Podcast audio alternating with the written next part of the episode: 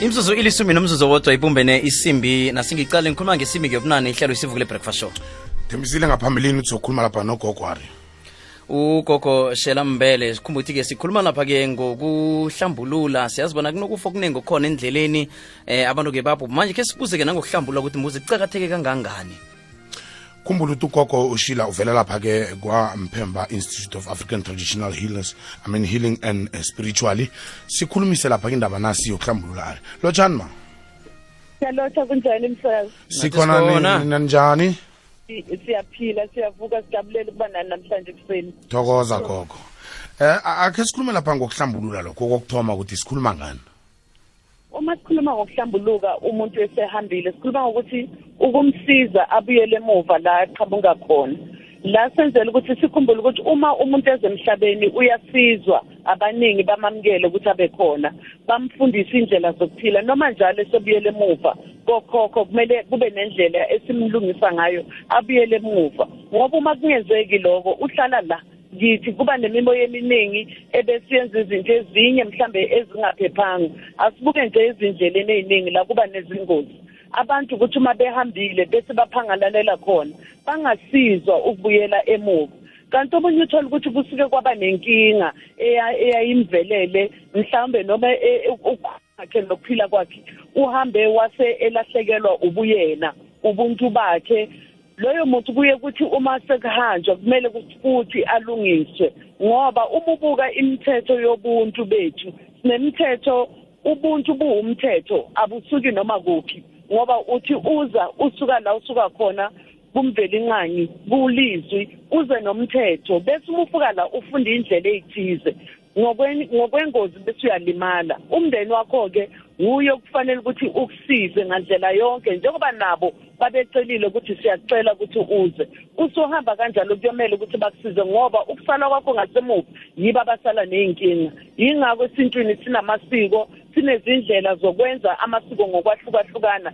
Simbiki sibabikela la uqhamuka khona ukuthi usekhulile usela usela use useyabuya manje ngoba uhambe ngalendlela. Kufanelekile ukuthi abantu bahambe bayokukhulumisa. Asilandi asi asigezi imzimba kuhlanzwa umoya wakho ukuyiselwe la uqhamuka khona. Umzimba uzosala nathi la kodwa wena kumele uhambe ubuyele emuva. Akuyinto elula leyo ngoba kuba nezinto eziningi ezenziwayo uxolo lenziwayo kanti futhi kuye kuhlanzwe nomhlaba. Umhlaba wethu njengathi nje la ekhaya awuhlanzwanga. Asizange sithi uma sesibuya enyundezelweni phezu kwamagazi aphangalala sase siwuhlanza siwubika sithi usuhlanzekile sesingaqala kabusha. Singabantu laba sizazi nathi ukuthi ngabobani sikwazi ukuphila. Kuyenzeka futhi ukuthi akuhlanzwe umuzi. Imizi meniyithenga imizi eminingi yakhelwe phezu kwamathuna mhlawumbe abantu babeshona ngaleza inkathi uthola ukuthi umuzi awusaphilisani kahle la ekhaya ukufika kwenu nje sekuyingxabana abanye abakwazi nokuhlala. Sesithi kufanele kufanelekile ngabe mhlamba umhlaba nabuye nahlamba umuzi ngoba abanye aba- abanakelayo uthola ukuthi izandla zabo bezi bezinegazi zona ngokwazo. So iy'thunzi lezi zisala la ekhaya bese zihlupha. Kuningi okuhlanzwayo ney'moto esiyithengayo konke nawe nje uwumuntu. Uhamba ngoba abanye baphangalala endleleni bese bona umuntu athi ithi ngigibele kuye. Umuzwe ngokomzimba ukuthi kungathi kungihamba nomuntu la eceleni ngoba kunethunzi engilizwayo. Siye sithi kufanelekile uhlanzwe. Ngaso sonke isikhathi uhlala uhlanzekile ukuze le thunzi zikhona ukukhululeka zibuyele emuva ngoba ezinye-ke azifuni ukuhamba noma sozama ukuhlanza azifuni ukuhamba ukuthi zihambe. Kodwa kubalulekile ukuthi uma uwasekhaya kunohambile nihlanze mhlambe mhlambe after 10 10 days abanye bayakwenza ukuhlanza ama ama i- amakharafu abanye babuye ukuhlanza ngenyanga kuya ngokuthi usiko lwenu nina nenze njani. Kodwa kubalulekile isizwe ukuthi umuntu ahlanjwe ngoba uma ningahlambi loyo akakwazi ukubuyela emuva. Ngoba kumele nimbonise ukuthi sokulungile umzimba ulele uzobuyela phansi enhlabathini kodwa buyela wena la uvela khona. Uyosikhonzela phambili ukuthi uphile nathi ngale ndlela thokozana gogo akhe sibuze ukuthi ngubani onelungelo lokuyokuthatha umoya womuntu ongasekho eh awubuyisele la ufanele ubuyele khona? Mhlambe ke emndenini bo- bobaba bomalume bokhari mndeni boba- bobani abana aba- aba- abane- abanelungelo lelo? Kuyahlukana. Ithi nje ngamasiko ethu thina abantu la be- be-afrika. Uyuthola ukuthi ngithi angithi asiye sibheke ubulili kakhulu uma ulandela inkolo ye- ye- yakwantu.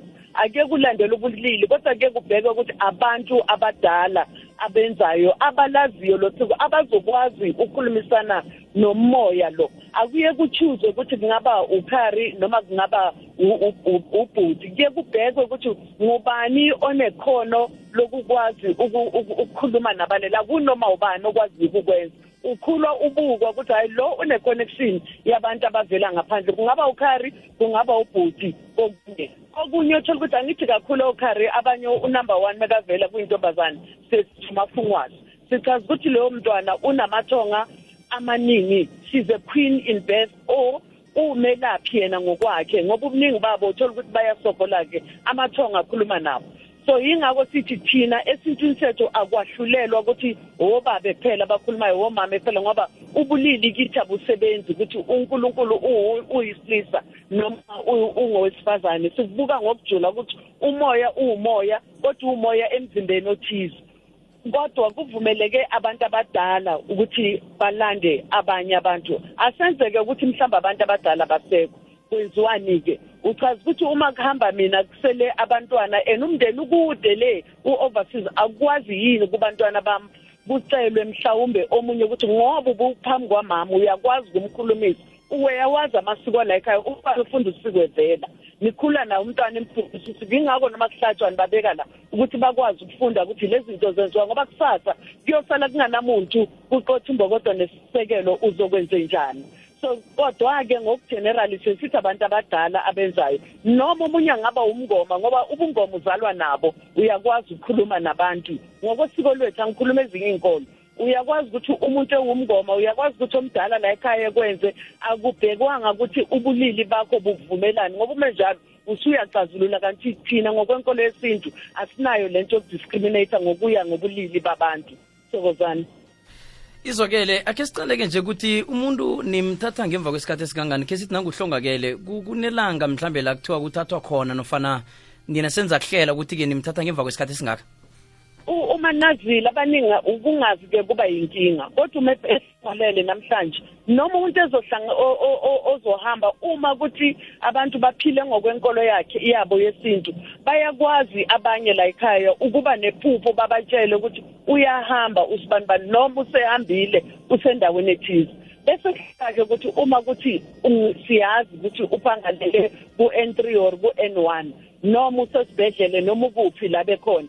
Sesithi ukuze kungamoshakali isikhathi sheshani ningalindi ilanga elithize. Thathani isihlahla nambe nomkhulumisa ukuthi ngoba usuphangalele ngoba kuyofanele ukuthi ni- nimgeze nigeze umzimba loyo wakhe nibuye nikhulule umoya ngoba awusheshi ukubuya ubuyele emuva.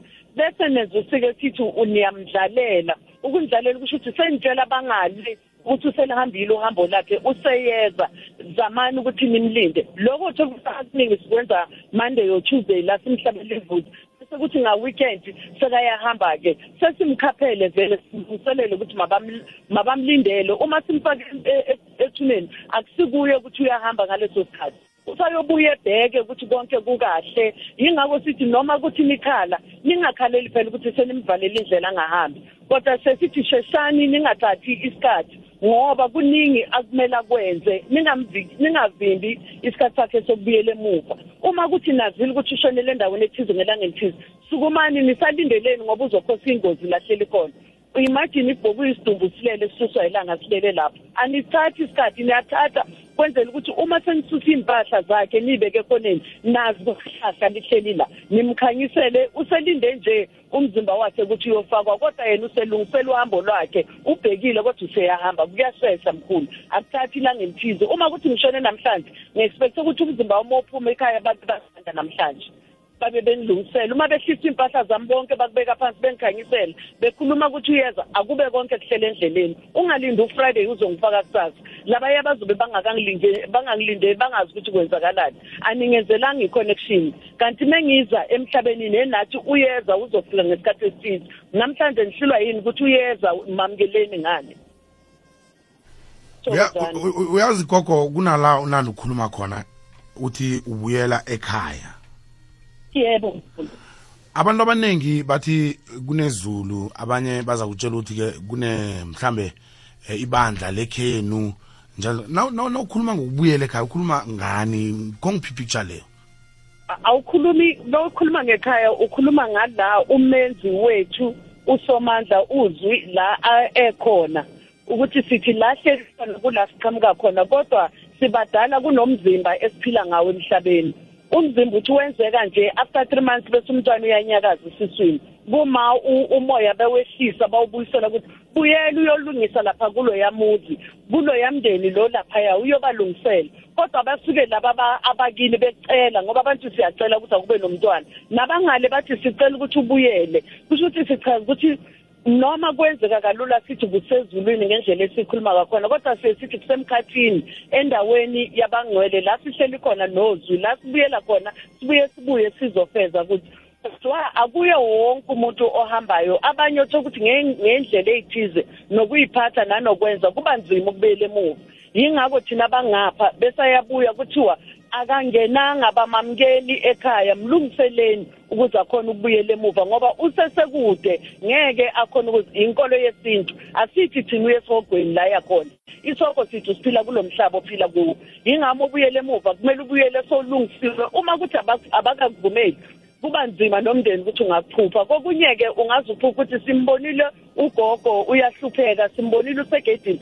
Sebambuyisile kodwa nikakabi ready kumlanda nina. Bese kuthiwa mgezeni ngoba kwakunechilo elinze lize bese buye ekhaya. La khona kuba kuse uma kulula nithi kusezulwini esingazi-ke ukuthi elinjani. Thina sithi uhleli kokhokho usemkhathini la khona asiyazi le ndawo asikakayiboni. Ngokomoya mhlawumbe yingendlela esiyazi ngakhona ngokomzimba siyazi. Sithokoza khulu gogo-ke ukuthi-ke ukhulumisane nathi-ke ekuseni kusivukile breakfast show. Thokoza mkhulu. Aha. Buze-ke besikhulumisana nogogo sheila mbele besikhuluma nje ngokuhlambulula nokufa lokhu kukhona kwangaka. Uvela lapha-ke eh kwampemba institute of african traditional healing and spirituality